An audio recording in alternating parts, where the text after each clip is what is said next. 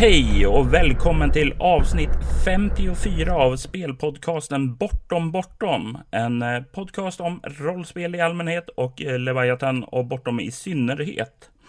I dagens, eller månadens avsnitt ska jag säga, så ska vi tala om någonting som jag har väldigt, väldigt dålig koll på. Vi ska tala om någonting som jag har hört väldigt mycket om och någonting som jag är väldigt intresserad av att veta mer av. Och detta något är gamification. Eh, och för att kunna göra det så har jag bjudit in en gäst ifrån syndikatet, nämligen Adam Palmqvist. Välkommen Adam! Tack så hemskt mycket. Jättekul att vara med. Kul att vara här. Ja, och eh, du har en viss erfarenhet utöver, vad heter det, utöver rollspel och sådant, även om gamification, eller hur? Ja, just det. Eh, jag, jag arbetar ju mer eller mindre nästan bara med gamification. Jag jobbar ju som eh, föreläsare eh, och skolutvecklare på eh, Magelungen-koncernen som är en skol och behandlingskoncern. Men jag håller på med eh, fortbildning och utbildning, både externt och internt, om gamification då, eller det som, alltså motivationsdesign som man brukar prata om när man pratar om i skolorna. Mm. Eller i andra syften också med gamification. Eh, och jag har även hört att det kallas ibland för spelifiering också. Eller? Ja, just det. Det stämmer. Eh, jag tror att Svenska Akademin tog in det i sin ordlista 2013. Eh, tog in eh, svenska spelifieringsbegreppet. Och med hur man böjer det och sådär. Det som är problemet med är väl att med att det begreppet det har väl liksom inte fäst riktigt utan det har blivit en Eh, ofta så vet inte alla vad det är och när, då kommer många med förutfattade meningar med att det är någon form att det ska handla om att spela spel ah. i undervisningen. Så. Mm. Ja, men det är väl så med mycket med, eh, vad heter de här, engelska ord som tar sig in och försvenskat. Alltså det, det blir inte riktigt samma betydelse. Nej just det, man kan ju faktiskt bara, bara diskussioner, alltså diskussioner av game och spel. Mm. Alltså game kan betyda fler saker. Spel är ju nästan alltid någonting som eh, Det är ju mer punkt, punktmarkerat vad ett spel är. Game kan ju också vara lek. Exakt. Eh, eh och det är väl När man pratar om gamification pratar man ju om eh, också både spel och lek i, i någon, alltså det ska vara lustfyllt. Mm. Eh, och när man pratar spel så är det ju, eh, det behöver ju, eh, det ska väl också vara lustfyllt i någon mening men ofta så förknippar man ju inte spel och lek på samma sätt i svenska språket. Nej, det är jättespännande. Det borde ha en språkvetare här som sitter och pekar åt rätt håll. Ja. Faktiskt. Vi kommer att tala lite mer om det här längre fram, men eh, jag tänkte att våra lyssnare skulle få lära känna dig Adam lite bättre, vem du är, så att de eh, har en liten tydligare bild när vi går in och talar om det här.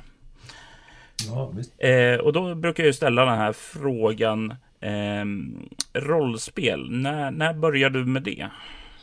Mm, jag började spela rollspel när jag var eh, 10-11 någonstans där. Mm. Eh, man gick väl i tredje eller fjärde klass.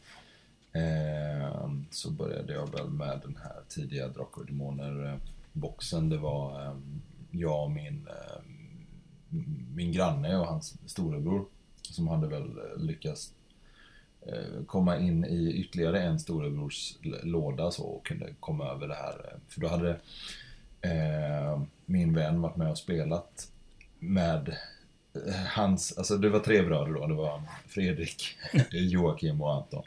Eh, och eh, Anton och Joakim var, lite, var ganska mycket yngre än Fredrik och Fredrik hade ju fått Drakar och Demoner i någon form av julklapp eller vad det var. Det här var ju någon gång på 80-talet. Eh, och, men vi, och Jocke hade ju då fått vara med och spela Fredrik en gång och berättade för mig och Anton om det här. Och vi ville ju också vara med och spela. Men vi fick inte vara med Fredrik, vi var för små. Ja, ja men det är där äldre mm, personer som inte vill ha med de eh, små, ja i den ögon odrägliga småungarna så att säga. Nej men precis. Eh, så, att, vi, så när han var borta och ute och gjorde andra saker, han var väl inte bara intresserad av det där, så, så la vi vantarna på, på hans rollspel och spelade. Så. Eh, vi gömde, vi fick gömma våra karaktärer i Antons rum och sådär. Det var lite häftigt. Ja, det, det, det, det Eh. känns så här väldigt tabubelagt. Ja men precis, för han ville ju inte att vi skulle vara rota i hans lådor För det, han hade ju andra saker, sådana andra så här, övre tonårsprylar där i också Som han definitivt inte ville att vi skulle hitta. Vi ville bara ha eh, om, omslaget med Elric om du förstår precis. eh, Nej men sådär, men sen så, eh, så spelade vi lite Sen så, eh, men där i fyran, femman där så kom det igång ordentligt Och önskade jag mig eh, Då måste det ha varit eh, 91 års upplaga som jag fick då Där Drakar och Demoner Jag önskade mig det av, av min, eh, mina föräldrar då. Så, så att, eh, ja men sen, så, sen dess har det ju rullat på. Jag har hållit, alltså jag är ganska, jag har spelat väldigt mycket. Eh, men jag har väl inte haft så många utsvävningar. Jag har hållit mig mycket till den svenska och den eh, engelska marken. Alltså, de, alltså eh, mycket inom alltså basic role playing game. Det är liksom de regelsystemen jag har kört. Sen har jag varit och speltestat och testat lite andra, andra regelsystem. Men jag har ganska Eh, spelat mycket men jag har spelat eh, punktspecifika spel så att säga. Nästan allt svenskt. Eh, Eh, fram tills eh, 2000, 2009, 2008 där. Eh, sen sen blev, blev det en explosion med massa indieprojekt och sådär som jag inte hunnit med att spela. Som jag vill spela såklart. Ja, det är ju det. En eh, stor backlog av spel riskerar ju bli. Eh, ju, äldre, ju äldre, jag brukar säga som, som så, en devis. Ju äldre man blir, desto mindre tid får man. Medan man, när man var yngre, då hade man mycket mer tid, men inte råd att skaffa alla de spel man vi hade tiden att spela då. Definitivt, och sen var det ju också så här mycket med genre för att eh, eh, Det beror ju på vilken grupp man spelade med. Ville man ha, eh, alltså vi var ju, jag växte upp med en eh, på Öland. Nu bor jag i Göteborg men eh, jag växte upp på Öland och där eh, var det ju mest gruppen som, som jag spelade med då. De ville ju spela fantasy. Eh, Mm. Sen senare så träffade jag andra grupper som ville spela skräck och mysterie och science fiction och sådär liksom. Men då blev det att man körde på det för att man ville liksom inte att några det var en väldigt inkluderande grupp i någon mening. Så man ville inte att någon skulle inte vara med bara för att vi valde att spela Star Wars liksom. Eh, men, men det var mycket, vad heter det, mm, kompisgäng då som körde Mm. under väldigt lång tid. Och är det så även idag då? Ja, idag så spelar jag med ehm, eh, en del gamla vänner faktiskt som jag började spela med på högstadiet. Det är några som eh, vi var, eh, några som har inte flyttat hit på grund av det, men som har flyttat till Göteborg också. Som, vi har en grupp som spelar i alla fall någon gång i månaden. Eh, men sen så en del eh, nytillkomna som har kommit efter universitetsstudierna då, som man har när man hade, som man träffade under universitetstiden, som man, som man pratade då om att man spelade rollspel. Ja men det gjorde jag också när jag var, när jag var yngre. Så, att, eh, så då tog vi upp det igen. Jag kan väl säga att jag hade väl ett uppehåll eh, med rollspel när jag bodde utomlands och pluggade utomlands och sådär. Eh, Även fast, då bodde jag i Spanien. Eh, Även fast Spanien har en väldigt eh, levande rollspelskultur och sådär. Men de har, eh, spanjorerna är relativt dåliga på engelska. Generellt dåliga ska jag säga, även inom universitetsvärlden. Eh, Så att det var, blev inte så mycket spel då. Men jag stod och höll i väldigt mycket häftiga spanska rollspel som jag ångrar dyrt idag att jag inte köpte med hem. För de var så sjukt läckra. Men eh, jag hade inte råd som student då. Nej, jag förstår det. Eh, men då måste jag fråga. Eh, rollspelsscenen i Spanien, du sa att du höll massa coola rollspel. Vad, vad var dominerande trender vid det tillfället då? Ja, det här, nu är ju det här 15 år sedan så jag kan inte riktigt säga. Men det var, fantasy var stort. Eh, men någonting som var väldigt stort, eller det som var fräckast, det fräckaste spelet som jag höll i var någon sån här inka-spel. Alltså inka... Indianer, med- ja. Inka-indianer Mm. och eh, azteker. Någon, liksom, någon sån här mishmash eh, pan-sydamerikansk kultur med eh, och en motsättning mellan då conquistadorer och eh, inka eller azteker då. Det var jättespännande, usch, riktigt läckert. Ja, men det, Eh, det låter ju som de en- spelar verkligen då på sin historia. Alltså det finns ju Mm. någonting där. Pre- Precis, jag tror att det var en mer av ett storytelling game som man pratade mer om då. Eh, det var inget så här RPG eh, som är rätt ut så. Mm. Men sen så annars var som var, sen var, sen var det väldigt mycket Dungeons and Dragons såklart. Ja. Som var stort i Spanien också. Mm. Såklart. Och figurspel var stort också. Fanns en Games Workshop i varenda, eh, vad heter det? I varenda köpcenter Åh, oh, Jesus. Ja, ja, där ser man. Spännande. Ehm, du sa ju att du var väldigt mycket inne på BRP-spel. Det. Eh, är det här något eh, som är fair to say att eh, det är din eh, sorts favoritspel också? Eller har du börjat driva det Nej, från? nej, nej, jag, har, alltså jag kommer ju från teatern egentligen. Oh. Så att jag är ju väldigt, eh, eller teater nu, nu tror jag väl ut att någon lyssnare tror att jag är teater, alltså jag spelar teater. Det har jag ju i och för sig, men jag är inte så att jag har gått scenskola eller så. Eh, men jag har ju alltid varit den som har lyft fram, eh, gärna liksom puttat undan tärningarna lite och kört lite mer friare. Mm. Eh, men det är ju också någonting vi kan komma in och prata om spelartyper sen när vi ska prata mer Mm. gamification. Eh, för det finns ju de eh, i min spelgrupp som är mer åt regler till. Ja.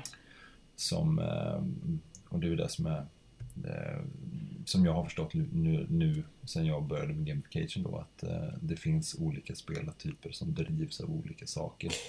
Ja det, Där regler är en, kan jag tänka mig. det blir väldigt spännande. Förra avsnittet av Bortom Bortom eh, hade gästats vi av Thomas Härenstam och vi talar om just om regler. Så det ska bli spännande att se ett annat perspektiv av det här kanske då längre fram. Ja, han har väl skrivit nästan alla regler till alla fria liganspel? Jajamensan. Eh, Så nu ska vi se hur det blir här. Men om vi kollar på dig då. Men om vi säger som så. Om du måste välja ett favoritspel, vad, vad skulle du välja då? Ja, alltså det här är svårt. det är det ju såklart. Det är som att välja bland sina egna barn. Vem älskar man mest? Man älskar ju alla, men... Ja, men lite så. Alltså, det som jag... Eh, jag har ju... En, alltså, Coriolis gjorde ju en sån oerhört avtryck på mig. Eh, när det kom. Eh, 2000... Vad kom 2007? 2007, va? Kan det komma ett år? 2007, 2006 någonstans. Eh, för jag höll på mitt i... Jag höll på att läsa religionsvetenskap då och idéhistoria eh, på universitetet och sen så slår liksom Coriolis ner som en bomb i, i liksom knät på oss. Eh, när vi har liksom lämnat mycket av, vi har, vi har kört det mesta. Eh, och vi, vi söker efter ett nytt spel och så kommer det här. Vi har, precis- jag tror att det, vi har precis avslutat Undergångens arvtagare, en sån här kampanj som vi körde i flera, flera år. Eh, och vi är sökande och så kommer det här och sen så eh, har det här allt det här som, som eh, jag läser om just då. Så det blev ju jättestort och det var ju därför jag började frilansa för Fria Ligan sen också och skriva en stor del av eh, Ikonernas nåd, eller Emissaria som försvann åtminstone, eh, som kommer här nu, när det nu kommer. Precis, den har vi ju på G ett tag där. Eh, Ja, det är så. Sen så har jag varit med och skrivit. Jag skrev ju Iskallt Inferno och så. Det var bland det första. Det skrev jag 2010 tror jag. Så att, ja, det var väl det första jag skrev för Fria Ligan tror jag. mm. Mm, nej, men så det är ett favoritspel, helt klart. Ehm, det, så, nu spelar inte vi det så mycket längre. Nu håller vi på att spela lite Symbarom och eh, experimentera med lite andra, lite egna regelsystem och lite egna eh, rollspel och sådär. Så, som vi funderar på att kickstarta här framåt. Jajamensan, och vi kommer få höra lite mer längre fram i eh, sektionen när vi kommer till under arbete då. Ja, just det. Eh, om du tittar tillbaka nu under alla spelmöten och så som du har varit med om. Är det något särskilt minne du bär med dig? Alltså någonting som eh, kan få dig att le när du tänker tillbaka eller någonting som får dig att vakna kallsvettig om natten och tänka vad fan gjorde jag sådär för? Eller något minne från något spelmöte som etsat sig kvar hos dig? Ja, nej men det, det är också, återigen där så finns det så många eh, som man, mest, mest de som man drar på munnen åt. Hur, ja, men hur tokigt det blev eller eh, hur, eh, hur episkt det blev eller sådär. Eh, nej men jag, jag har ju, vad heter det, tänkt en del på, på det där mm, och sistone lite utifrån eh, man tittar på sina egna barn och sådär om man ska börja spela spel och sådär. Men eh, ett, ett riktigt, riktigt starkt minne är ju bland de här första spelsessionerna. Eh, som jag, det kanske inte, det var ganska opolerat, eh, opolerat spel, men man var ju så sjukt inne i, i spelet. Och jag kommer ihåg ett av de första liksom, starka spelmännen var när jag spelade Svart Duell. Eh, det här riktigt eh, ganska, ganska eh, klichéartade äventyrsspels eh, boxäventyret som liksom kommer i någon sån här split, splitbok med Skönheten och odjuret. Eh, och när vi går, och liksom, eh, går runt och undersöker på den där ön och vi kommer till den här byn Eh, som säkerligen inte blev så speciellt bra beskriven av spelledaren då, men det var sån här riktigt så här, spöklik känsla. Eh, och ja, nej, det är ett av mina starkaste minnen. Just eh, det här första mötet med, med ett, för det första ett, ett köpt äventyr som inte var liksom någonting som någon hade kastat ihop på en skolrast. Och en, ja, en känsla av när vi satt där uppe i, jag tror att det var på min mammas övervåning, satt och spelade. Vi hade väl ljus eller någonting sådär också, lite musik. Så, så det var, nej, det var ett av de starkaste minnena. Jag spelade Svart Duell första gången. Oh. Eh, har du själv spelat Svarträv förresten? Jajamensan, jag har både spelat och spelat det. Och det var ju ett av de tidigare, eh, tidigaste upplevelserna man hade också. Eh, mm. Jag minns att eh, jag spelade tillsammans bland det första eh, sommaren 90 när jag eh, började spela för första gången. Så var det andra, ja första spelmötet mördades vi typ efter en kvart då för att vår äldre kusin inte ville vara med oss unga kids. Eh, men dagen efteråt så spelade han först, eh, vad heter det, ett eget skrivet och sedan skönheten och odjuret ur det där. Och det väckte ju väldigt mer smak och mm. eh, då fick vi innan vi åkte hem för sommaren då även att testa på svart duell där också. Mm.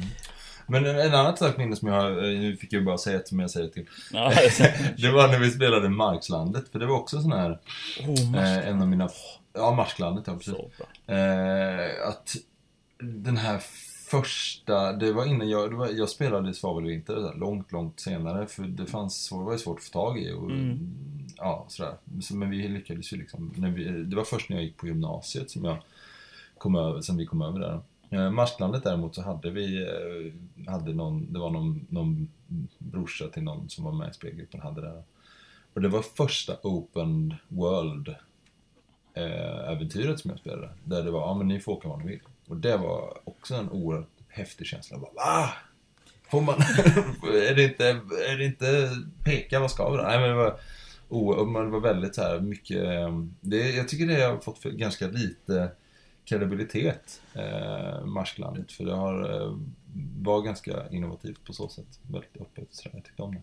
Du och jag är på helt samma våglinje där. Eh, jag älskar Marsklandet just för det där av samma skäl som du beskriver. Att det gjorde något annorlunda och sedan är det någonting mysigt eh, med träsk. I alla fall när man sitter i ett rum och slipper vara i träsket då själv. Ja, men också att man har, eh, och det tyckte jag det jag tycker om med Coriolis också väldigt mycket, att man har ett skepp. Man har en, en båt eller en prom som man kan sitta och pilla lite med, som är väldigt viktig för, det är inte bara ett transportmedel, det är ett hem. Mm. Och det tror jag är eh, en viktig eh, en viktig komponent i, i all form av spel. Liksom. Ja, men jag, det var, jag känner igen, jag håller med. just det där också när jag skapade Leviathan, om man gör baser där. Alltså att du som spelar grupp investerar tid, kraft i det. Och det är samma med som skepp och så, båten i Marsklandet. När du, vad heter det själv, har en insats i det. Det är då du börjar bry dig om det. Ja men precis. Och det, det är jätteviktigt. Man, vad heter det? Eh, det där kallas väl inom eh, psykologin eh, det, det, här kallas inte alls under psykologin, men i, i populärpsykologin kallas det väl IKEA-effekten tror jag. När man bygger någonting själv så har man ett större affektionsvärde till det mm. eh, än om man bara eh, köper, en, eh, köper någonting som är generiskt. Det är väl samma sak man pratar om man ska man ska aldrig börja döpa de djuren man ska äta upp sen. Nej. För det blir väldigt svårt att ha ihjäl dem sen. För att då är helt, helt plötsligt har de en en annan personlighet än om man kallar det djur 1, 2, 3. Absolut. Absolut. Mm. Så om ni ska spela Marsklandet och ska köra på grund, döp inte båt. Det är jag vill säga. Nej, verkligen inte. Eh, och framförallt, krascha inte med båten när du befinner er mitt i träsket, för det blir för jävligt att ta sig ut sen då. Ja, du gör det. Men då tror jag vi känner dig lite Adam. Vad säger du, ska vi gå vidare till eh, avsnittets tema? Ja, det låter bra.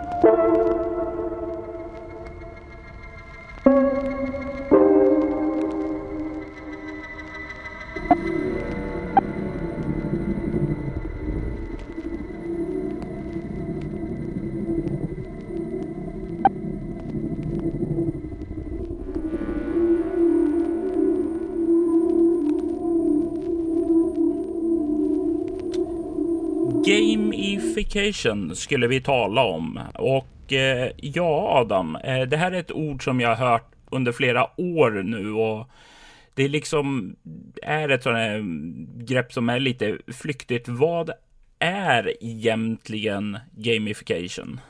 Mm, den fega beskrivningen, som är den mest generella beskrivningen, är när man flyttar ut Eh, och det här citerar jag från så många böcker om gamification som finns och det gör jag det på svenska då. Det är när man lyfter ut eh, spelkomponenter, eh, spelmekaniker, spelelement ur spel och sätter in dem i icke-spelkontexter. Eh, då eh, träning, eh, energisparande, lärande eller undervisning då eller sparande överlag, typ som ekonomiskt sparande. Men eh, det är den fega beskrivningen för den säger ju egentligen ingenting. eh, det, det, jag brukar prata om det, gamification är motivationsdesign. Mm. Som använder eh, det som gör spelen så motiverande. Eh, och det handlar mycket om beteende, beteendevetenskap och beteendeförändring. Så, men också så handlar det om lustfylld beteendeförändring. Eh, till exempel det som det som gör gamification så kraftfullt är ju att spelmediet, det digitala spel, spelmediet har ju funnits ända sedan vi blev bofasta ungefär, civilisationens gryning. Mm. Eh, och då, då, då, då, när vi säger då spel, då, då, tänker vi även på det lek och så också då, eller? Mm. Definitivt, det kan, det, då kan vi nog gå ännu längre tillbaka. Det, när vi säger spel så menar jag allting från eh, backgammon till eh, schack, mm. eller scha då som det heter. Det är det korrekta översättningen. Nu vet jag inte vad det heter i original. Eller go, eller vi kan också titta på spel i, den här, i en större begrepp kan ju också innefatta idrotter. Mm. Och det vet vi ju att människan har ju sedan antiken ägnat sig åt olika alltså olympiska spel då, eller olympiader eller olika former av idrotter från diskuskastning till spjutkastning och liknande, brottning. Eh, och då finns det fyra då grundkomponenter av spel. Sen så finns det ju många som kan argumentera att det finns fler eller färre. Men det som man brukar säga är att spel har ju en målsättning. Man vet, alla som sitter runt, eh, runt spelbordet vet vad målsättningen är med spelet. Vi vet vad vi ska åstadkomma. Mm. Eh, det, det, är första punkten. Den andra punkten är att det finns en tydlig struktur eller regler då som som gör att det är så här liksom spelet fungerar. Och sen kan de se ut på olika sätt och sådär. För det är alltså, och det är det här som eh, Johan Hussinga, eller Johan Hussinga talar om den här magiska cirkeln. När du och jag sätter oss ner och spelar ett spel. Så om vi spelar till exempel schack. Så ska du, och du förklarar för mig, du ska få dina, du ska välta min kung tack vare att det finns regler så sträcker inte jag mig över bordet och välter din kung och säger att nu har jag vunnit. Den reglerna gör att vi har kommit överens om att även om vi, jag skulle kunna välta din kung på eller välta bordet så, så gör inte jag det. Eh, så det är, det är den andra komponenten. Den tredje komponenten är återkoppling, det vill säga feedback. Så att så fort jag gör någonting i ett spel, eller ofta så fort jag gör någonting, så får jag återkoppling av någon annan. Av spelet, eller om vi pratar i ett rollspelssammanhang då, så får man ofta återkoppling av spelledaren då som berättar vad som händer. Mhm. Och eh, det fjärde, och den här fjärde, den här fjärde punkten är lite mer omdiskuterad. Eh, en del menar att den fjärde punkten, den grundstrukturen, är att spel alltid är frivilligt. Det är där, därför det är så motiverande. Det vill säga att eh, det finns någon filosof som har sagt eh, You cannot play if you don't play. Att eh, du kan inte bli tvingad att leka liksom, eller tvingad att spela. Eh, det är en definition. Så finns det en annan definition av att den fjärde komponenten är det sociala sammanhanget.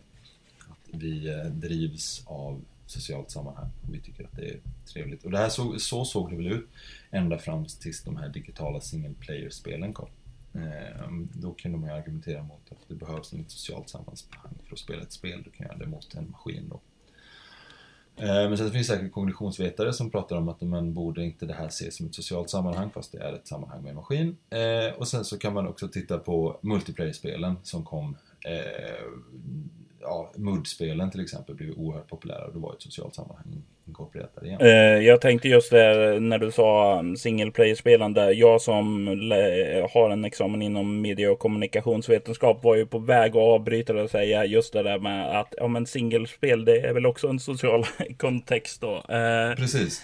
Så det, ja, men det är ju det. Det går ju olika eh, Eh, sätt att diskutera och se det ur, absolut. Men jag tycker ändå de här fyra kategorierna ger ändå någonting lite mer konkret och se hur det kan eh, ändå påverka olika saker. Det börjar direkt eh, poppa upp tankar i mina huvuden om det. Mm.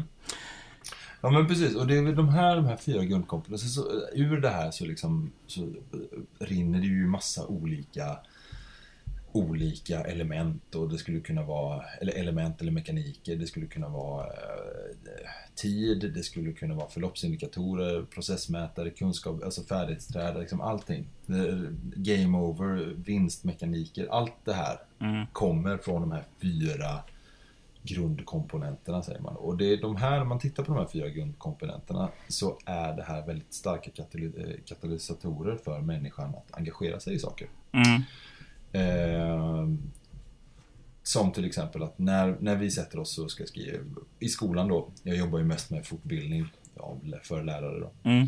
Eh, Om man tittar att eh, det är viktigt att eleverna har en målsättning. Det är viktigt att eleverna vet hur de ska ta sig till den målsättningen. Det är viktigt att eleverna får återkoppling eller feedback. För att eleverna vet att de är på rätt väg hela tiden. Återkoppling ser man som en oerhört viktig komponent i lärande.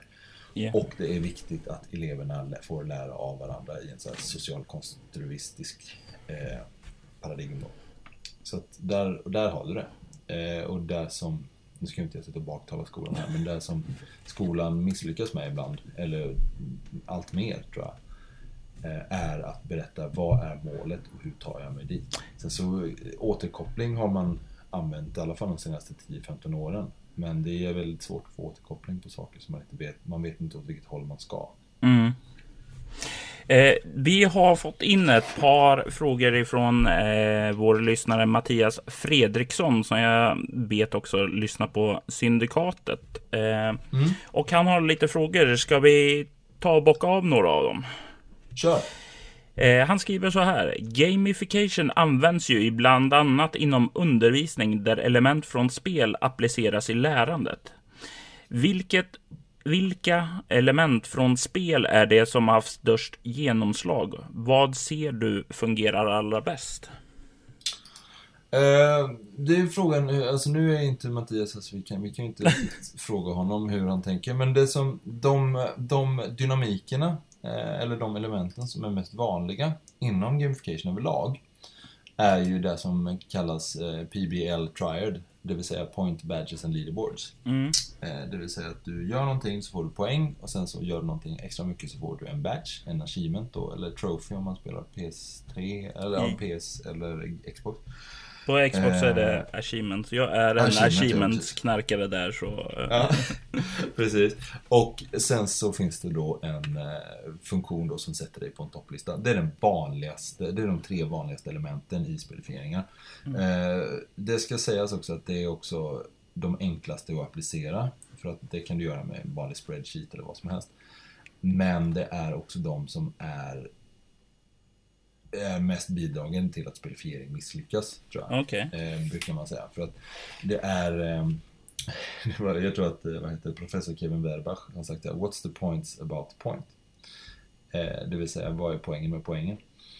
Och när en deltagare förstår att jag kan inte använda de här poängen till någonting förutom att ta mig in på topplistan.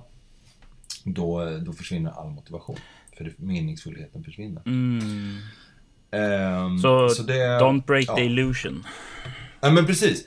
Så därför finns det ju massa andra, eh, ska jag säga, dynamiker. Jag som inom skolan då, Mm. eh, så brukar jag lyfta fram kunskapsträdet, eller det som kallas skill tree, som en av de viktigaste, eh, viktigaste komponenterna. Eller det är väl snarare en mekanik tror jag. Eh, eller det är en komponent, förlåt. Man gör en uppdelning där inom, inom speldesign. Då är det dynamiker, mekaniker och komponenter. Medan dynamiker är de här stora, stora eh, delarna som narrativet till exempel.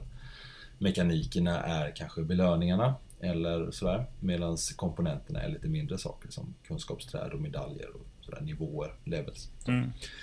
Eh, kunskapsträdet är ju någonting som är, eh, om du har spelat eh, Skyrim eller om du har spelat eh, Civilization eh, så finns det ju sådana skill trees eller tech trees. Mm. Förstår ni vad jag menar?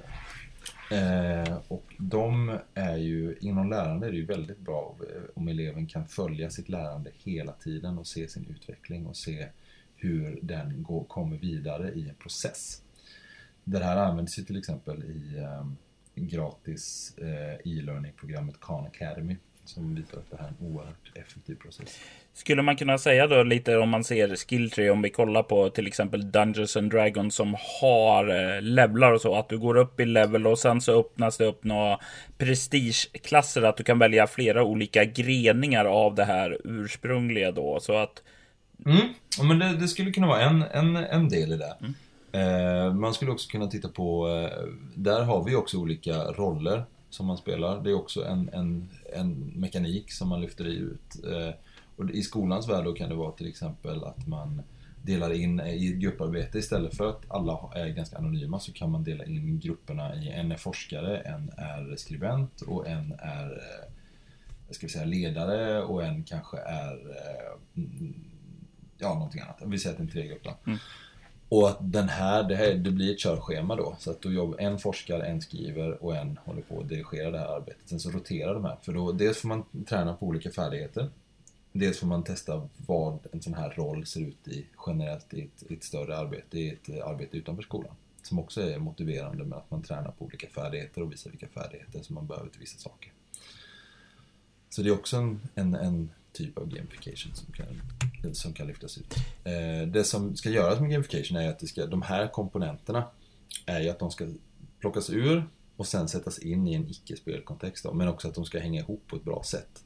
Så att det, liksom, det ska bli vara en sömlös eh, upplevelse. Det känns väldigt naturligt. Mm. Så. Men jag skulle också säga att det här används ju på, eh, inte bara inom undervisning. Det är jättestort inom human resources till exempel. Där man tittar på vad, vad, vad, vilka olika drivkrafter som arbetsgrupper har och sådär, vad man tycker om. Mm. Om vi, jag då utifrån kontexten rollspel då ser hur man kan använda gamification då. Alltså om vi hoppar tillbaka till de här tre sakerna som eh, du talade om tidigare. Points, badge och leaderboard.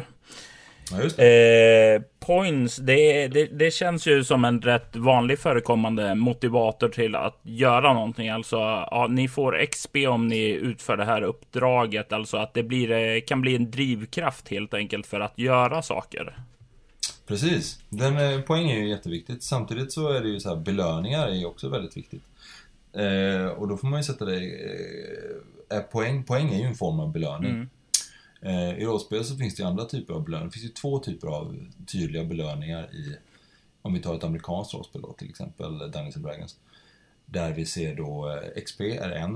Eh, eller tre belöningar kan man säga. XP är en. Guld är en annan. Eller likvidmedel och, och sen så finns den här rare gear. Ja. det vill säga, ja men så här artefakter och liknande som eh, oftast ganska svårt att köpa för de här pengarna du genererar i alla fall. Mm. Eh, Och- exakt. Ja, Eh, Sen finns det ju andra, andra former av belöningar också, fast de är inte lika tydliga. Det kan ju vara till exempel att man får lore. Eh, att man får, man, an, alltså man öppnar olika delar av en berättelse. Som också är en form av belöning. mm. Men den, den lyfts inte fram lika tydligt i den, i den kontexten.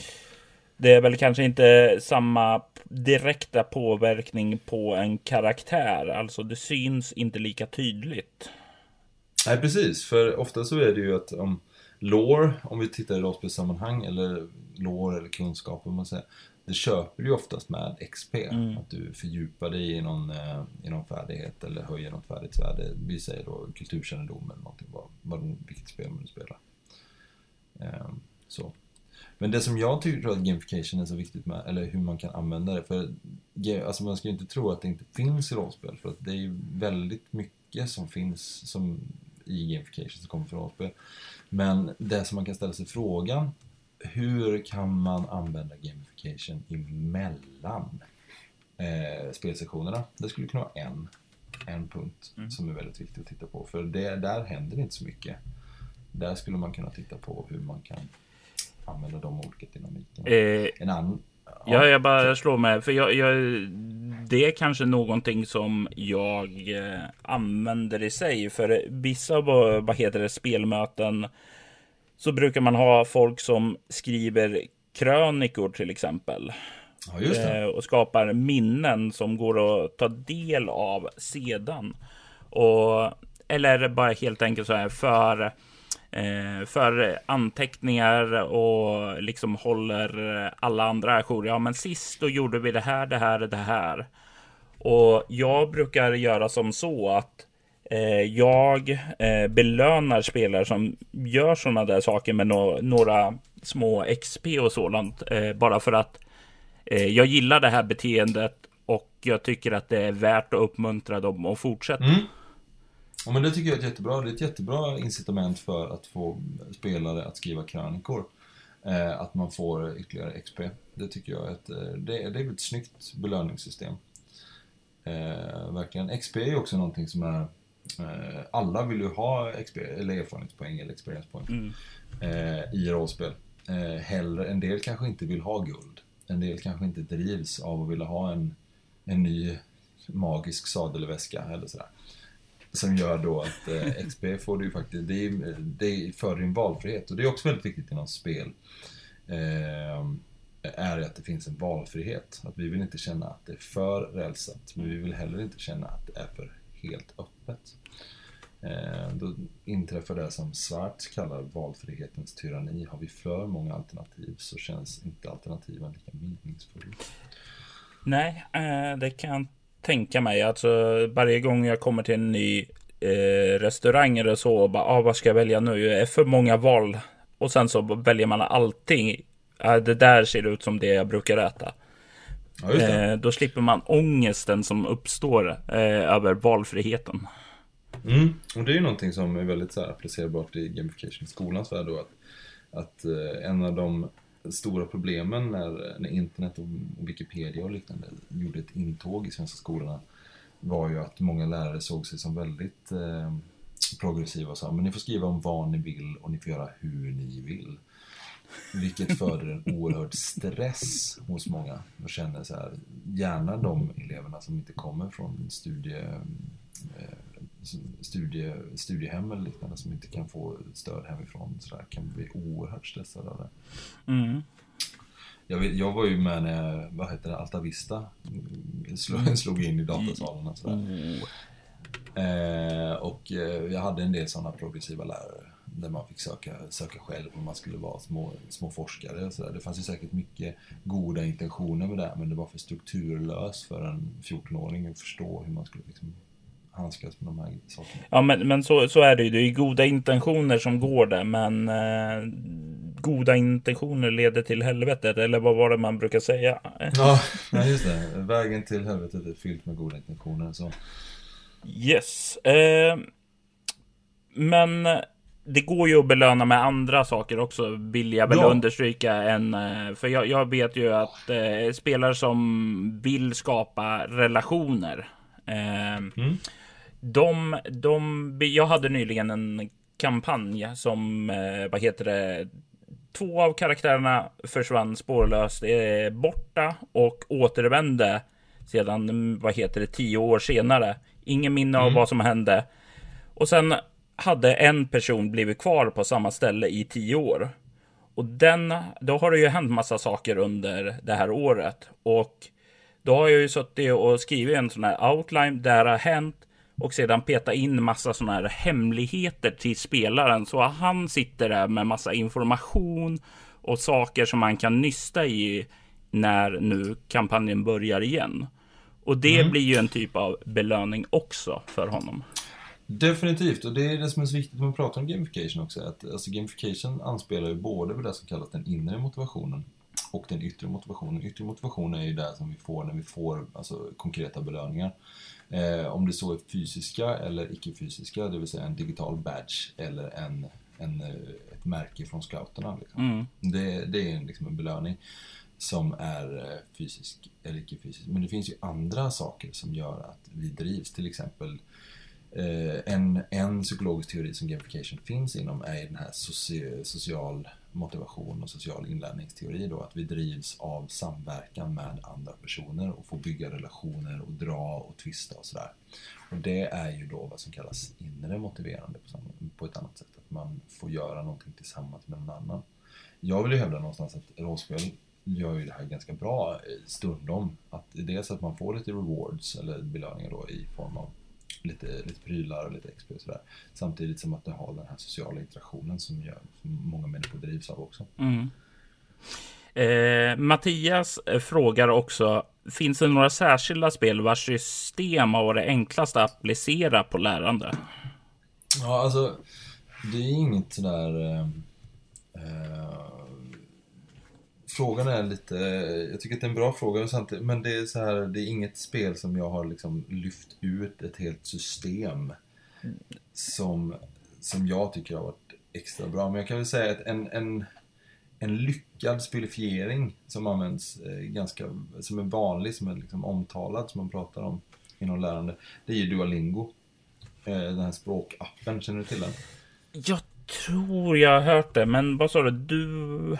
Duolingo. Det är, ikonen är en, en grön uggla tror jag. Ja. Eh, som är en språkträningsapp. Som eh, använder ett eh, väldigt litet antal spelelement. Jag tror att det är fyra, fem stycken. Men gör en superbra feedback loop. Och eh, gör en sån här social kontext som gör att eh, man kan, man, och den är helt gratis. Och man kan eh, bygga vidare på sin avatar och sådär samtidigt som man läser ett språk. Och det är väl det här som är så tjusigt med den, att du lär dig språk samtidigt som att du spelar det här spelet. Eh, på ett ganska tjusigt sätt. Så den tycker jag är bra för språkinlärning. Då tycker jag vi gör som så att eh, jag lägger in en länk till den här i avsnittsbeskrivningen eh, så kan ni ta och kolla in den. Eh, ni lyssnar. Ja, precis. Och sen så nästa avsnitt kör vi på spanska. jag läste faktiskt spanska i gymnasiet. Jag kommer inte ihåg ett dugg av det. Nej, jag skojar bara. Nej, men den är bra. Sen så finns det en annan, eh, en också gratis, den inte, det finns inte som app, men det, det är så här Khan Academy som är gjort av Solomon Khan, en eh, amerikan som är matematiklärare i grunden.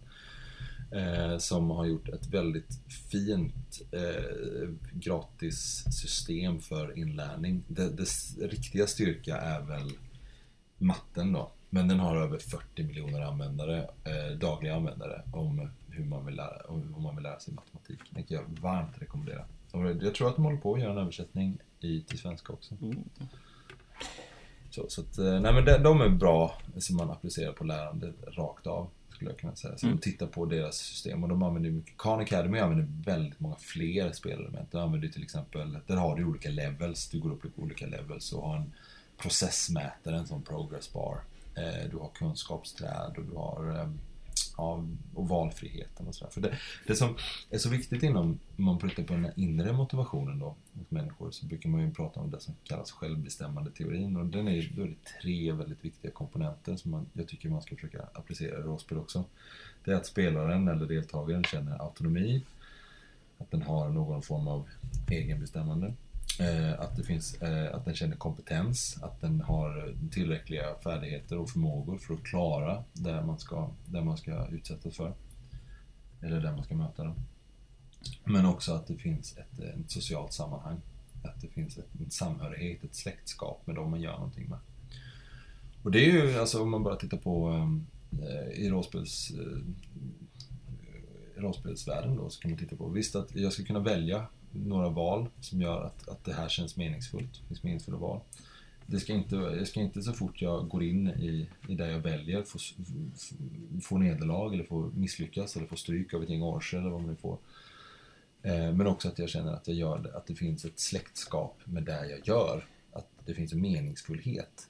Men också att det finns ett släktskap med dem jag spelar med. Att eh, karaktärerna inte är helt ihop plockade från, utan det ska finnas en tät sammanvävd historia där. Jag, jag, känner ju nu när du berättar om de här tre eh, grejerna så ser man ju att det är saker som gör det till ett dåligt spelmöte när det inte uppfylls liksom. Om du bara blir en statist i berättelsen, ja men då blir Precis. det jättetråkigt. Om du känner att du är värdelös och alltid misslyckas, ja men då blir det också tråkigt. Och om du hamnar utanför gruppen och inte känner dig en del av den, ja men då blir det vanligtvis mm. också tråkigt. Ja, visst. Och omotiverande mm. och sen så kanske du inte känner, nej men det var inte så roligt sist. Och sen så kan man inte riktigt sätta fingret på vad det var. Men de tre komponenterna är jätteviktiga i, i inte bara gamification utan all form av motivationsforskning. Eh, mm. Eh, Mattias pratar också, eller han ställer frågan. Det pratas ibland om flumskolan och det är inom sådana här eh, citationstecken, citat, cit, ja, dubbelfnuttar. Ja, Situationstecken, eh, Situation, Eller citattecken. Ja. Ja. Eh, som något man måste göra något åt. Att då introducera gamification känns som att det borde möta en del motstånd. Stämmer det? Ja. Hur har du övertygat skeptiker? Eh, ja, men jag får alltid... jag, när jag är ute och föreläser på skolor och när jag är ute och fortbildar på skolor och sådär. Så eh, får jag ju ofta två frågor. Eh, dels det här att...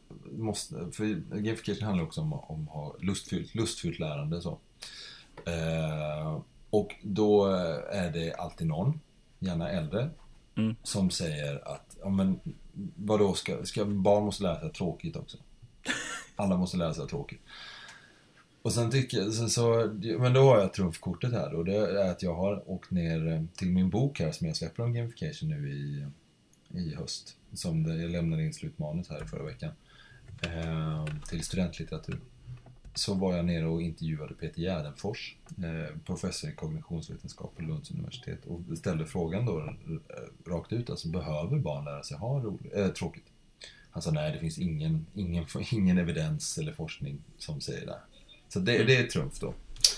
Och sen så är det också en, det finns en annan typ av lärare som säger att barn har så, eller elever eller ungdomar idag har så lite tålamod med eh, när de ska utföra saker. Allting ska gå så fort.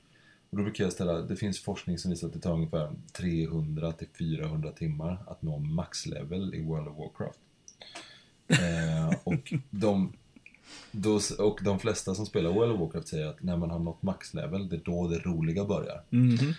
Så att, där är också någonting som man kan bemöta i det här. Ja, nu, nu, just i World of Warcraft så kan du ju köpa dig eh, maxlevel direkt om du så vill då. Men... Eh... Ja, just det, det kan man ju i och för sig. Men just, just de två argumenten mm. är ganska starka. Men sen så kan man, när, när man väl har liksom kört de här, det är ganska retoriskt snygga grejer. Men när man också börjar visa på vilken forskning som ligger bakom gamification och vad det ligger för motivationsteorier och motivationsforskning bakom. För att det är så här, som jag sa, spelmediet eh, är gammalt men det digitala spelmediet är ungefär 40 år. Eh, från, och då pratar jag om det här Pong, det första dataspelet. Ungefär för 15-20 år sedan så började ju liksom börjar dataspelen eller de digitala spelen bli så oerhört dyra att utveckla. Så att man har ju inte råd att floppa dem. Det blir ungefär som att floppa en Hollywoodfilm. Och idag så tror jag väl att ett, ett, ett AAA-spel kostar väl mer att utveckla än Mm. en Hollywoodfilm kostar att spela in dem. Så att när man tittar på vad, vad läser speldesigners eh, och spelutvecklare för kurser på universiteten, för det är ju ofta universitetsutbildningar vi pratar om här. I alla fall i USA, då tittar man ju, vad, vad läser ni för något? Jo, förutom den här eh, level design och allt det där, så är det då eh, tillämpbar psykologi, motivationsteori, kognitionsvetenskap, affordans. Allt det här som handlar om hur man motiverar och hur man lär personer.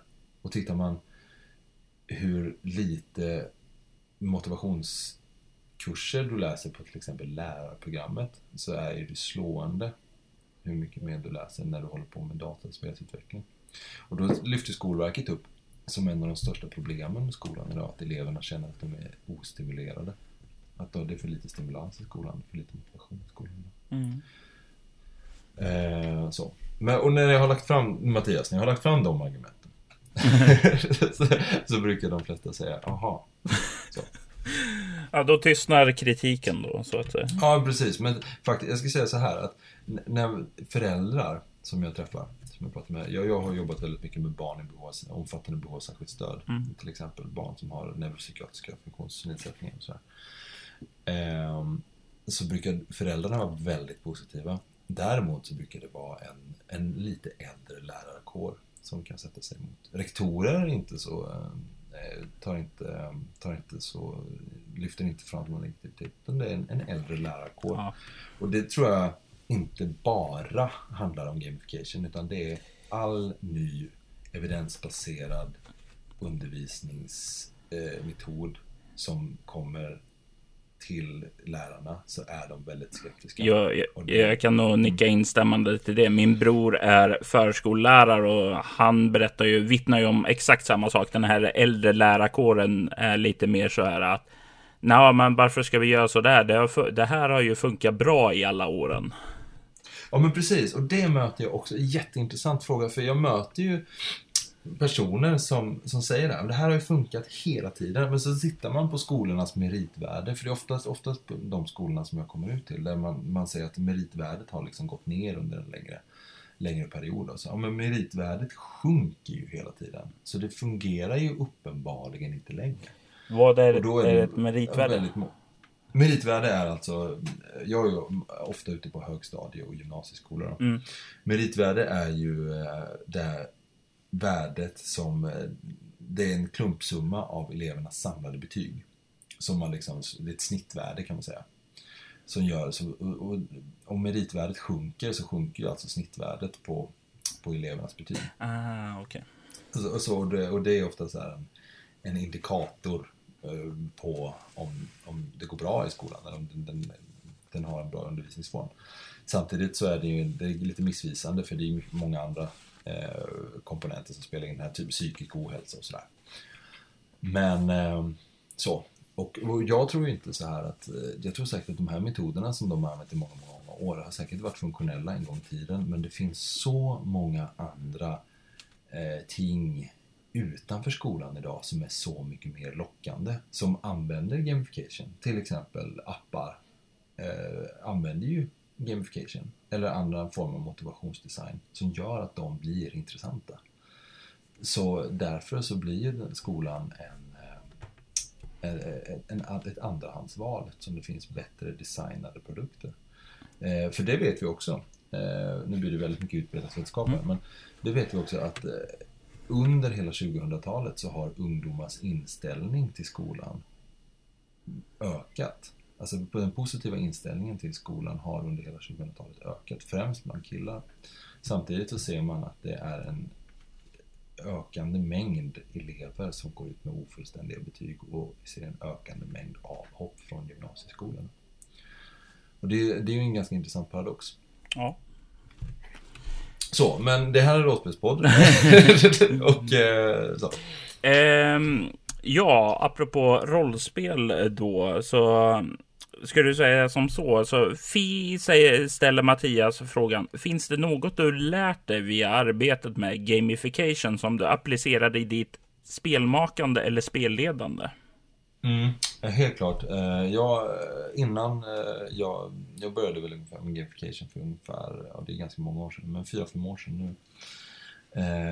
Men det som jag förstod direkt är att det finns olika spelartyper.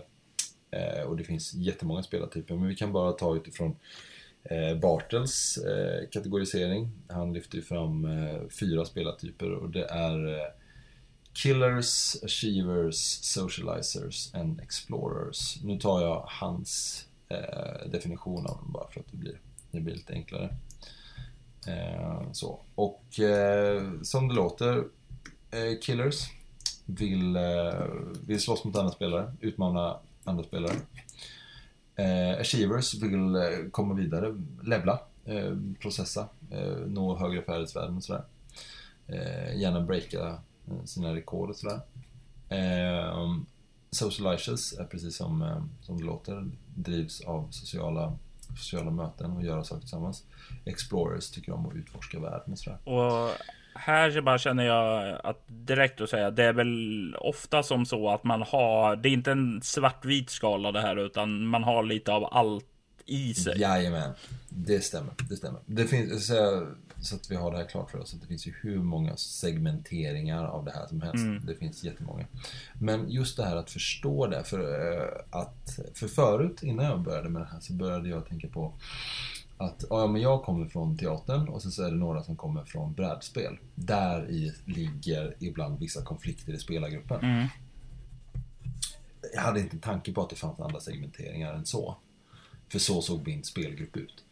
Eh, men ganska, när jag började liksom läsa de här segmenteringarna då och förstår, ja men oj, det här finns ganska mycket att titta på att när man till exempel skriver spel eller skriver äventyr eller sådär. Vi kan ta eh, Symbarom nu till exempel eh, där det finns en regeldynamik som säger att om spelarna börjar slåss med varandra så är spelet förlorat. Då, då, då ska spelet avslutas. Oh. Jag vet inte om du har läst Sumbarum? Det har jag inte eh. gjort. Eh, jag... Och det är ju någonting som inte tilltalar en killer. Till exempel. Det utesluter, ja, men det utesluter ju för den här killen kan vara jätte Eh, den kan funka superbra i en grupp om den liksom, men den ska veta att det finns en möjlighet om jag stör, om det, om det är en annan spelare som, som går emot mig så ska jag kunna besegra den på ett eller annat sätt. Och då utesluts ju en, en fjärdedel av en fyr, fyrsiffrig, eller en fyrsidig eh, liksom, kategorisering av spelare. Jajamensan, jag var förra året här var jag inne i en period där att det var lite grann så. Just en killer då i en av mina spelgrupper och klickade inte helt väl med de andra och det skar sig. Och sedan mm. så försvann han ur spelgruppen och då försvann hela den här eh, skärningen som hade gått med de andra. Mm. Ja, men precis. Så att, nej men, och det är någonting som jag har tittat väldigt mycket på. Att eh, när man liksom designar äventyr till exempel, att det ska finnas någonting eh, för alla. För det är någonting som också visat sig inom eh, forskning då. Att om varje typ då vet att det finns någonting för mig i, eh, i det här äventyret eller i det här spelet eller någonting.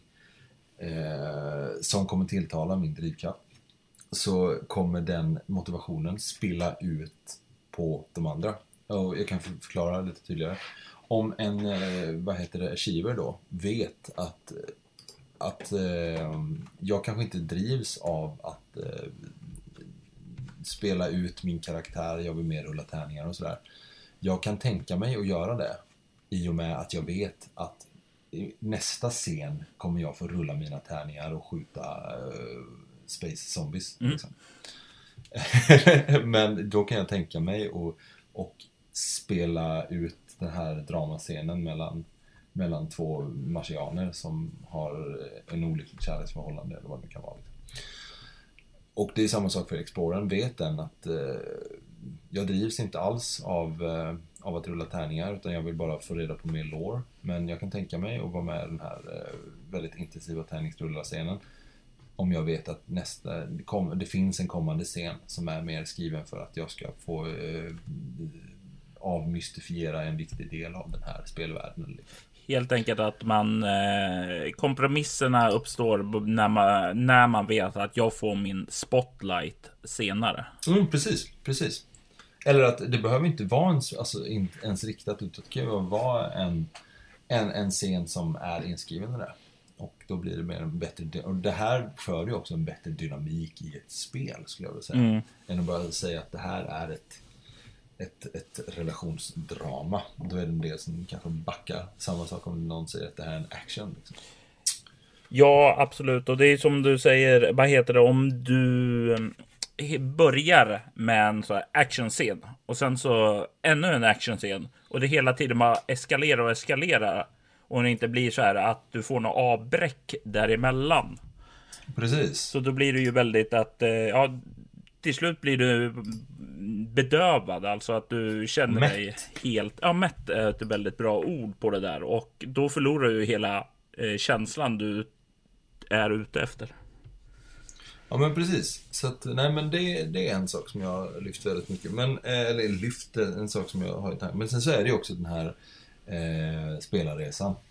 Eh, som jag tycker är väldigt viktig. Den här eh, att eh, svårighetsgraden ska alltid eh, öka. Med, jag vet att du spelar mycket Mass Effect sådär, mm. och de använder det här väldigt, att det, liksom, att det ska vara en svårighetsgrad som känns utmanande hela tiden. Men det ska inte kännas för svårt. Det ska inte kännas för lätt. Se, eh, se, och... Sedan så får man ju vara noga med det där. För finns, ja, om vi ser nu till Dungeons and Dragons till exempel så finns det ja. lite grann att du eskalerar allting i jämvikt så att det lite grann nästan tiden ska vara hela eh, lika svårt i början fast på en olik skala om du förstår vad jag menar. Mm. Ja men precis, jag förstår vad du menar. Eh, och... Nej, det, det gäller ju, det, det handlar ju om alltså, att hålla på med finslipning också såklart. Så att det inte blir en eh, pajigt hela tiden. Mm. Så.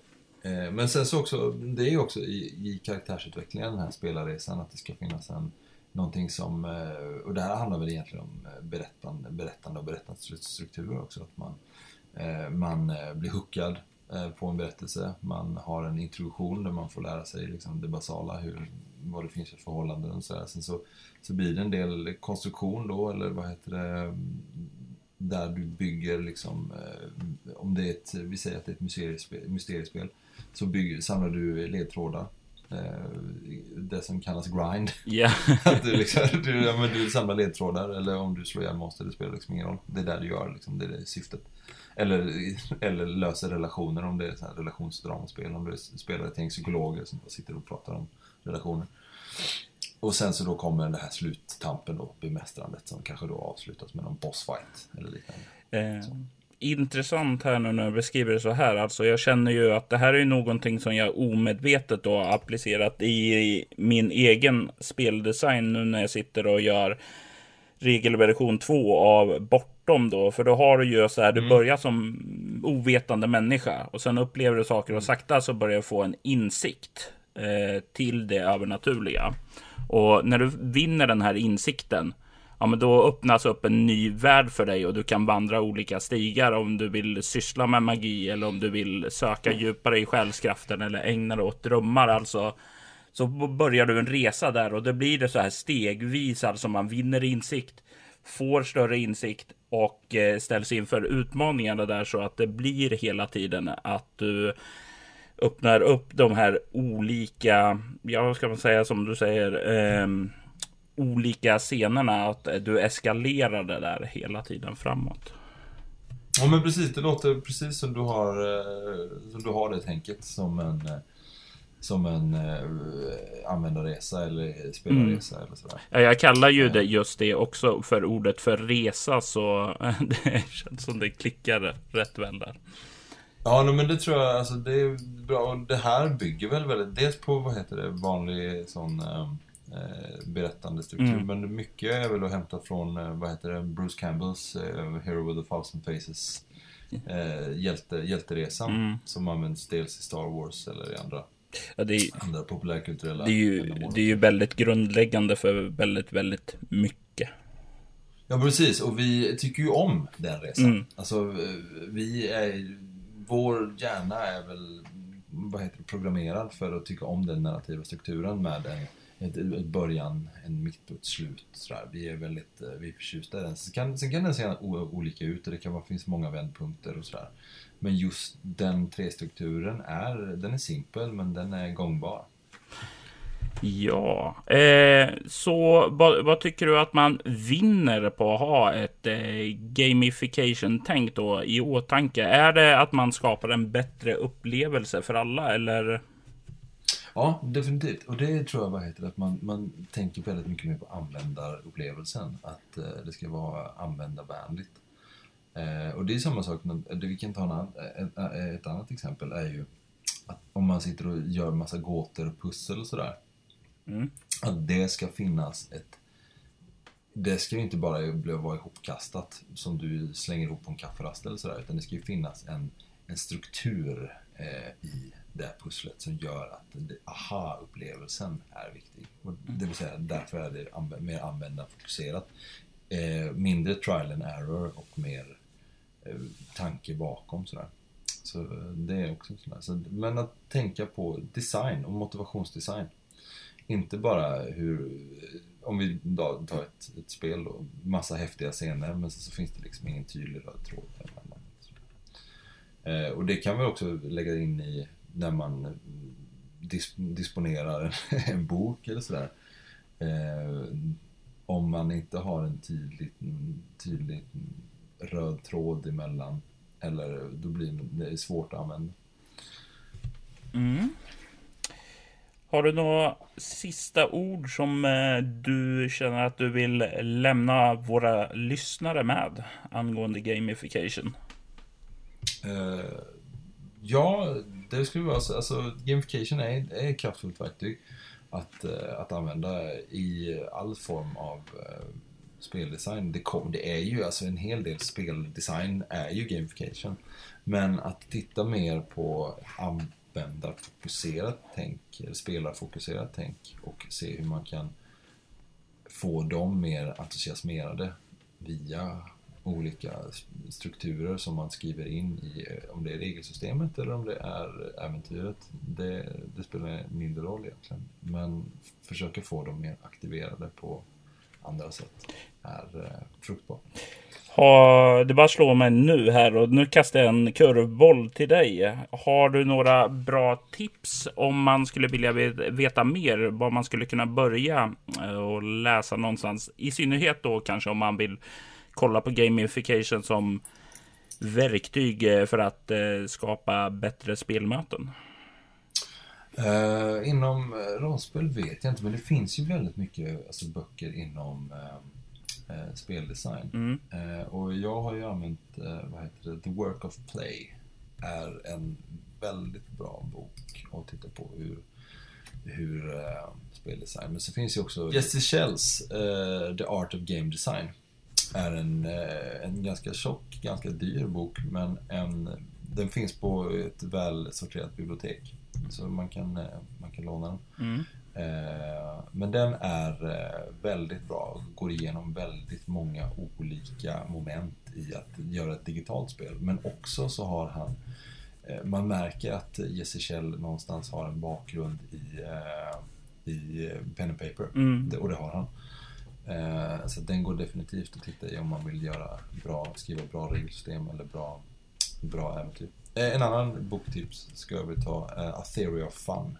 Det är Ralf Koste som skriver den. Den är väldigt bra. Och jag kommer att göra som så att jag inkluderar lite länkar här också i avsnittsbeskrivningen så att ni får lite koll på vad det kan vara. Min bok eh, kommer ut eh, i samband med Bokmässan. Oh. Eh, så den släpps där, om allt går som det ska. Vad kommer boken att heta? Det spelifierade klassrummet, så att det är mer mot klassrumsspelifieringar då. Men man kan hitta väldigt mycket bra och intressanta tips där i, inte bara för rollspel men också för andra, hur man motiverar sin, eh, vad heter det, arbetsgrupp på jobbet eller sådär. Ja. Kommer du vara på Bokmässan också? Ja, jag har tre föreläsningar på Bokmässan. Då tycker jag att ni ska ta och bege er dit. Tack så mycket. Och medan eh, ni bokar biljetter till bokmässan så tar vi och klipper till nästa segment.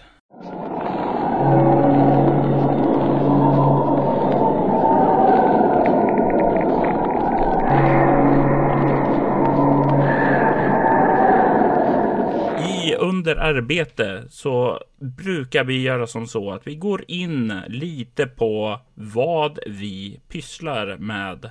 Och eh, eftersom vi har Adam här så tycker jag att han kan få börja. Adam, eh, Syndikatet. Ja. Hur går det där? Det har varit lite tyst på sistone.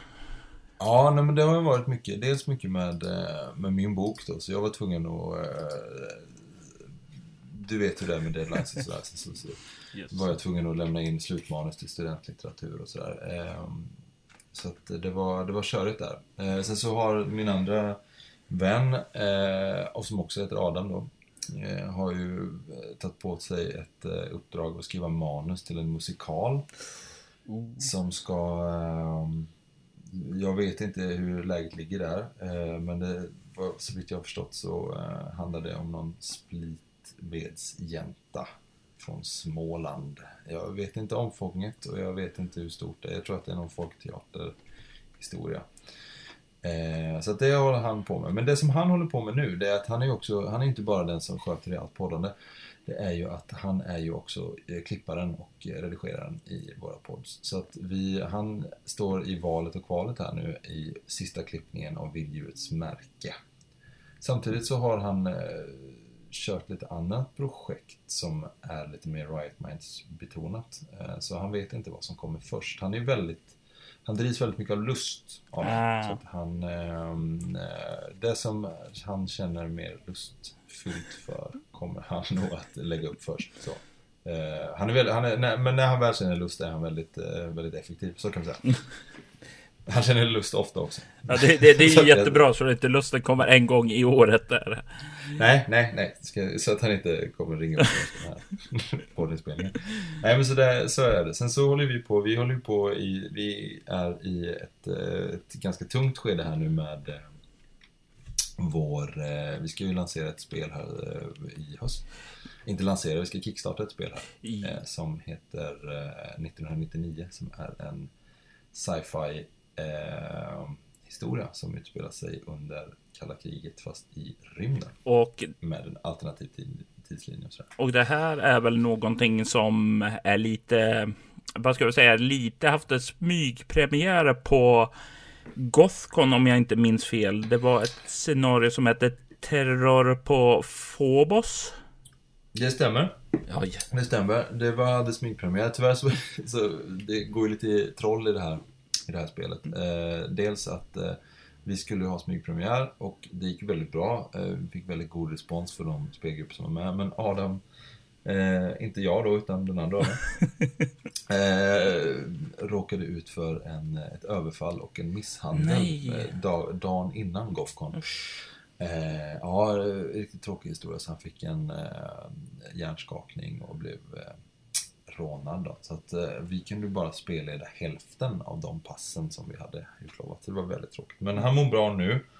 Eh, även om eh, det tog väldigt eh, det tog väldigt mycket kraft eh, och energi från, från eh, produktionen. Eh, det ska också tilläggas att Adam hade jobbat väldigt hårt med eh, att trycka han hade skrivit konventsäventyret och han hade ju tryckt upp planscher och hade väl gjort t-shirts och lite sådär också. Och att inte han fick vara med på den här premiären tog väldigt hårt på honom också. Så att, ja, Jättetråkigt. tråkigt. Ja. ja, jättetråkigt. Våld är väldigt eh, meningslöst och eh, tragiskt. Så kan vi summera hela situationen. Absolut. Eh, nej men så, men han är tillbaks nu. Eh, hungrig på att skriva. Så att det är där vi håller på. Så sommaren kommer vigas åt, eh, åt att eh, försöka eh, färdigställa det. Då.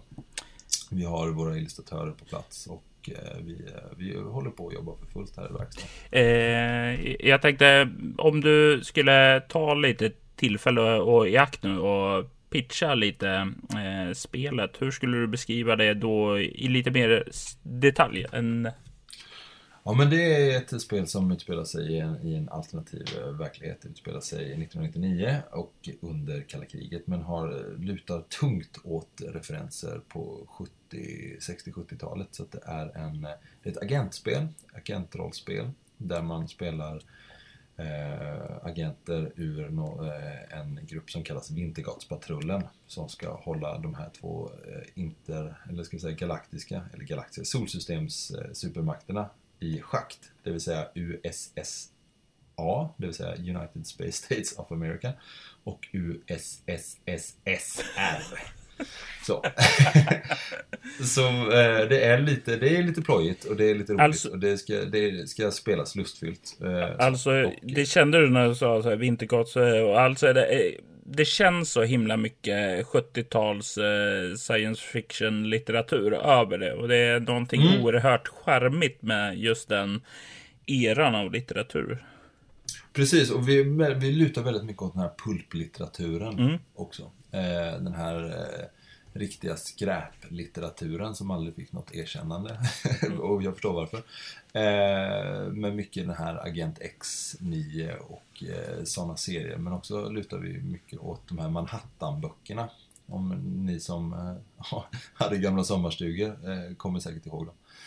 Eh, låg alltid i någon sån här rottingkorg någonstans uppe på någon vind. Eh, så det, är där vi har haft en stor inspirationskälla. Men också väldigt mycket av den här Black Exploitation eh, filmerna. Mycket kung fu, mycket, mycket funk. Och eh, ja, där, där, i, där, i brytningspunkten däremellan är, är 1999. Med rymdraketer och strålpistoler. Spännande. Och Kickstarten kommer i framåt höst då eller? Vi säger i hösten. Eh, vi vågar inte säga månad, men vi säger i höst. Mm. Så säger vi. Det är alltid en smartare sak att säga än eh, en specifik tidpunkt, för då får man alltid äta upp det sedan. Det är det, så är det. Så att, nej men det, det är det som ligger för syndikatet här nu. Eh, så. Toppen.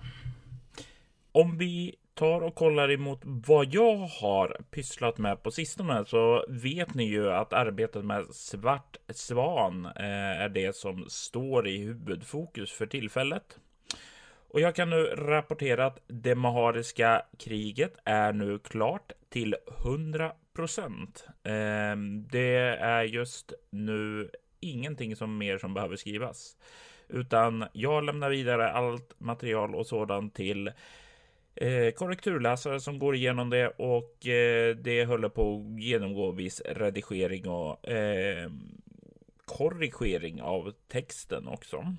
Eh, men det känns väldigt, väldigt skönt att äntligen vara klar med det. Det absolut mest som jag fruktat med hela modulen är eh, kapitlet om skeppsstriderna eh, som jag utlovade. Eh, jag arbetade utifrån ett eh, utkast skrivet av Kalle Odnoff.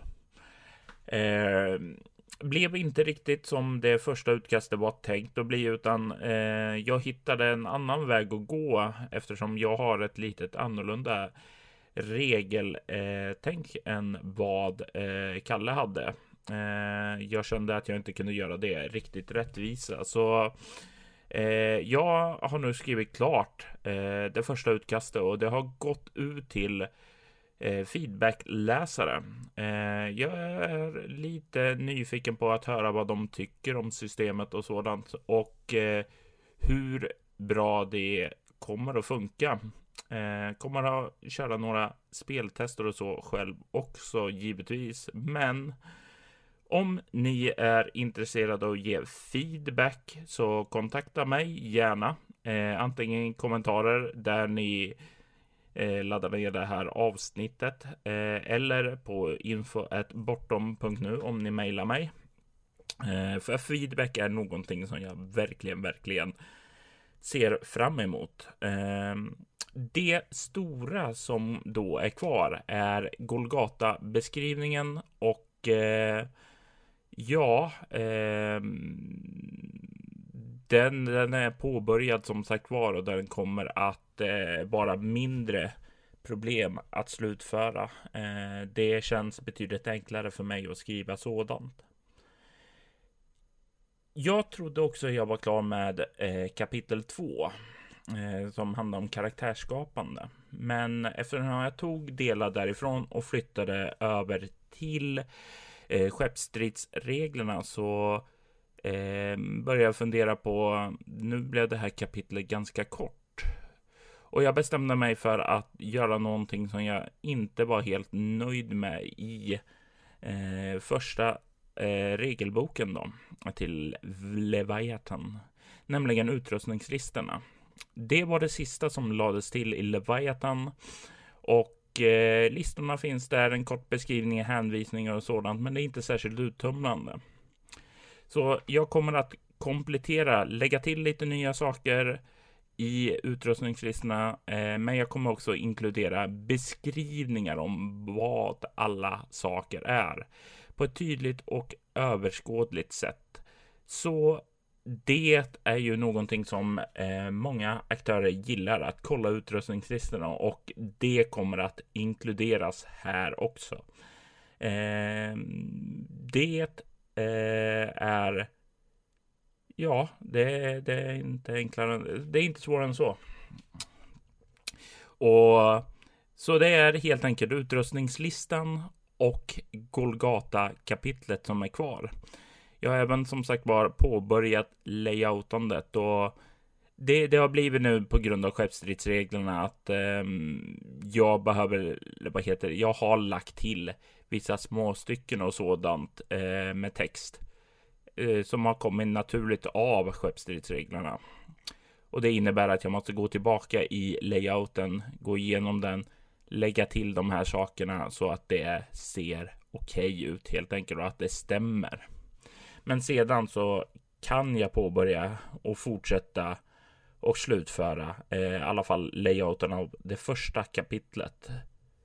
Eh, I övrigt så är det väl främst tre saker jag sitter och filar på nu.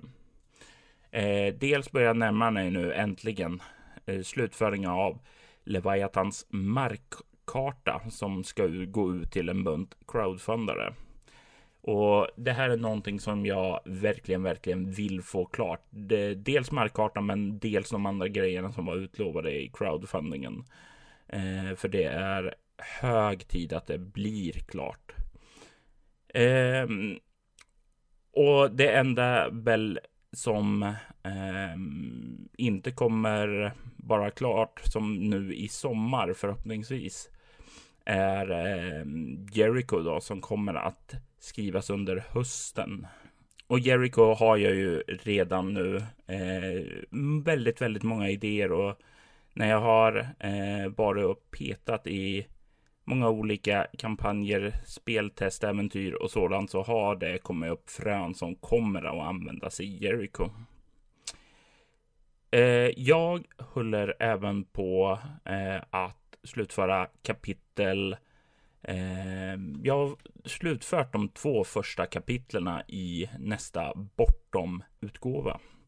Eh, kapitel 1 kommer att vara reglerna, eh, använder sig av eh, ja, Leviathans regler och eh, streamlinar helt enkelt och uppdaterar Bortoms grund. Då.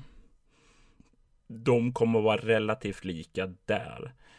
Andra kapitlet, karaktärsskapande då, eh, skiljer sig något man kan säga att det är en mellanting mellan Bortoms poängbaserade köpsystem och Leviathans grundsystem med många olika val som leder fram.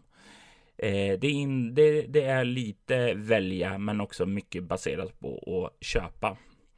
Eh, man kan säga att man köper sin grund och sedan gör några tillval som adderar extra lager till karaktären. Eh, men just nu så tänker jag inte gå in på närmare delar om bortom, utan det får bli en senare podd helt enkelt. Det sista eh, som jag tänker och nämna är ett nytt projekt som inte har någonting att göra med det skrivna mediet, utan det är något som jag kallar för soloäventyret. Och det här är ett projekt som jag funderade på redan inför förra året, men inte orkade ta tag i då. Jag vill nämligen bolla lite andra, utforska lite andra medium och ett av dessa är Youtube. Eh, och eh, jag funderar väldigt mycket på vad kan man göra med Youtube? Och jag har inte riktigt så möjligheter att eh, streama eh, stora eh, intressanta eh, spelmöten online. Utan jag tänkte att ja, man kan göra något lite mindre. Och det var så, vad heter det, tankarna börjar komma på projektet som jag kallar för soloäventyret. Som namnet säger så flörtar det ganska mycket med en gammal hederlig företeelse, nämligen de här soloböckerna. Tänk ensamma vargen, falken eh, och eh, äventyr i det okända, bara för att nämna några. Eh, att du då läser en bit, eh, kommer fram, får välja eh, mellan olika val och sen bläddrar du vidare till nästa paragraf eh, för att eh, där eh, helt enkelt göra, eh, fortsätta att läsa, komma fram till ett nytt val och göra det. Och det här är inte riktigt eh, i samma omfattande format som jag då tänker, utan den här piloten då som jag tänker göra kommer vara så enkel att jag kommer att eh, skapa en eh, liten översiktlig berättelse eh, och den här berättelsen börjar. Eh, man presenterar det lite grann som tänker som en liten interaktiv sagostund skulle jag väl vilja säga. Inte ett eh, fulländat eh, rollspelsscenario utan kort och gott. Jag presenterar en setting, eh, miljön, beskriver en scen som leder upp till en händelse som leder fram till några vägval. Och det här vägvalet sedan kommer jag att ha någon typ av poll. Eh, antagligen eh, det alternativ som får mest eh, röster i kommentarerna om jag inte löser det på något annat sätt. Eh, och sedan eh, under ja, några dagar så samlas det här upp och när det är klart eh, så kommer jag att eh, jag går vidare med nästa eh, del eh, som det blev framröstat. Därefter så kommer jag att eh, publicera nästa vecka. Eh, mm, vad heter det fortsättningen? Eh, då presentera lite vad som händer, konsekvenserna av valet och sedan bygga upp till ett nytt vägval. Och jag säger inte att eh, det här kommer vara långa, långa scenarion och sådant eh, varje vecka, utan det blir ju inte riktigt lika långt som till exempel vi spelar rollspel eller rollspelsmåndag eh, och liknande poddar och vidcast, utan det här kommer väl troligtvis vara kanske en tio minuter eller något sånt varje vecka.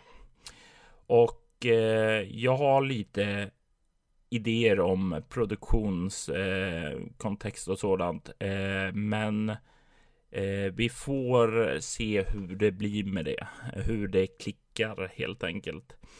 Eh, men den första piloten då tänker jag försöka ha någon premiär längre fram i sensommaren. Och eh, jag har inte riktigt spikat eh, namn för det här, eh, utan jag står och velar mellan att eh, det kommer gå under namnet Pronoia eller Indigo 6. Um, ehm, och vi, vi, vi får se vad det fastnar för. Och har ni någon särskild preferens så kan ni dela med er av det i kommentarerna. Det kommer i alla fall vara ett Leviathan scenario och ja, eh, ni kommer få lite mer information om det i, ja, när det närmar sig helt enkelt. Men med det så tar vi en liten paus och lyssnar på gingen till nästa segment.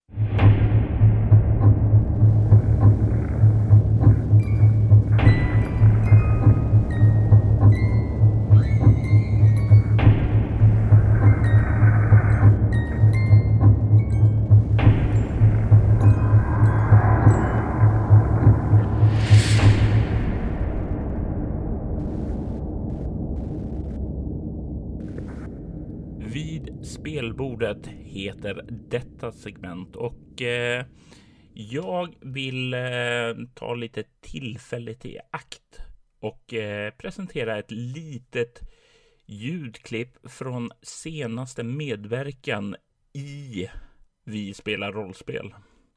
Jag var nämligen som sagt var där och spelade Leviathan i påskas vid Gotcon. Och nu nyligen så sändes de eh, två avsnitten eh, som blev av den scenariot. Och ja, det är en fortsättning på förra scenariot Evolution. Det här går under namnet Reevolution. Det är en del av ett större eh, scenario som de spelade i podden. Och det var en eh, fortsättning. Så jag, om jag får säga det själv så blev det rätt så lyckat. Och jag tänkte ge er en liten tease eh, på eh, det här avsnittet. Och det är precis i början. Eh, gruppen sedan sist har blivit lite splittrad. Jehona, eller Maria Guseva som hon kallades för då, har tagit sig iväg på egen fot. Och eh, medan de andra gör normala saker, påbörja en undersökning, så var det här Jehonas första scen. Eh, och jag känner att jag bara vill dela med den för att den jo Josefin som spelar Jehona satte en så härlig stämning direkt ifrån början av spelmötet. Och jag eh, tycker att ni efter att ha läst klart på den här podden går vidare på länken eh, som finns i det här avsnittet för att eh, helt enkelt lyssna på hela reevolution hos Vi spelar rollspel. Och eh, ja, hon är, hon är ett vapen helt enkelt och helt livsfarlig. Hon är ett monster. Och vi skjuter henne så fort vi ser henne. Det vi, finns inget annat att göra. Vi, vi klipper där. Vi klipper där. Blod och svett har blandats samman till en hemsk stank. Men det är inte något som Jehona bryr sig om. Det är en onödig distraktion som hennes fokuserade sinne enkelt kan stanna, stänga ute. Hennes fulla fokus är på fången som hänger i kedjorna framför henne. Sakta börjar denna vakna upp ur medvetslösheten och börjar nervöst rycka i kedjorna. Eh, lagom då fången börjar inse att fan, kedjorna kommer inte ge vika. Eh, kliver Jehona fram ur skuggorna, vilket får eh, fången att inse att hens eh, fångväktare är här och kan se att han gnyr lätt av insikten. Snälla, snälla, i, i, inga mer. Jag, jag, jag svarar på dina frågor. Eh, vad vill du veta? Känner du igen mig? Ja. ja. Bra. Och så har jag ett litet gömt bord eh, i ena hörnet oh, av eh, rummet. Så drar jag fram den på små gnisslande hjul. nej. Så öppnar jag min läkarväska. Men jag, jag svarar, jag lovar att berätta allt! Du behöver inte! Du kan skrika hur mycket du vill, det är ljudisolerat här. Ja, men... Jag bryr mig inte. Så sett. God damn. Okej, vi kan säkert göra en deal här. Eh, det behöver inte hända någonting. Eh, du vet, eh, det, all, allting är lugnt. Den, den, här tången, den är min absoluta favorit faktiskt. Den har jag använt många gånger. Fast den här, den här andra, den är också jävligt grym. Jag vet inte riktigt. Jag står och väger mellan två. Nej, jag tar den här. Du är ett jävla monster. Du, du, du. Så tar jag fram uh, hans uh, hand. Det är en hand. Och tar tången mot ena nageln och börjar rycka lite. Um, varför har du uh, frågat frågor om uh, Juri Mihailov? Vi, vi, vi, vi, vi, letar efter honom. Han är, han, han, han, är, han är ett monster precis som du. Han, han arbetar för Alpha Pharmaceuticals. Jo, jag vet. Men varför uh, Är det i ditt intresse? Vårt intresse! Han attackerade oss! Han försökte sätta dit oss för mord! För mord på vad? Och så börjar jag dra ganska massivt i magen. Jag kan inte svara! Sluta! Okej, okej. Jag lägger ner tången igen. Vad, vad, varför vill du veta det här och vad är det för mord? Berätta från början. Vi, vi, vi, vi, vi, fann, vi fann en person mördad. Det såg, ut, det såg ut som säkerhetsvakten på en bas som eh, vi, vi, vi var på. Eh, och, och, och det, det, vi, vi, vi trodde, vi, vi trodde vi trodde vi skulle kunna finna Marja där. Och, och vi... Men när vi kom dit så blev vi anklagade för mord och sedan så blev vi attackerade av Sila-pirater som eh, försökte döda oss när vi fri, fri, rentvådde oss från morden och och, och sen började vi kolla där och det, det var han som hade anlitat de här Sila-piraterna och han är involverad, insyltad med Alpha Pharmaceuticals. Okej. Okay.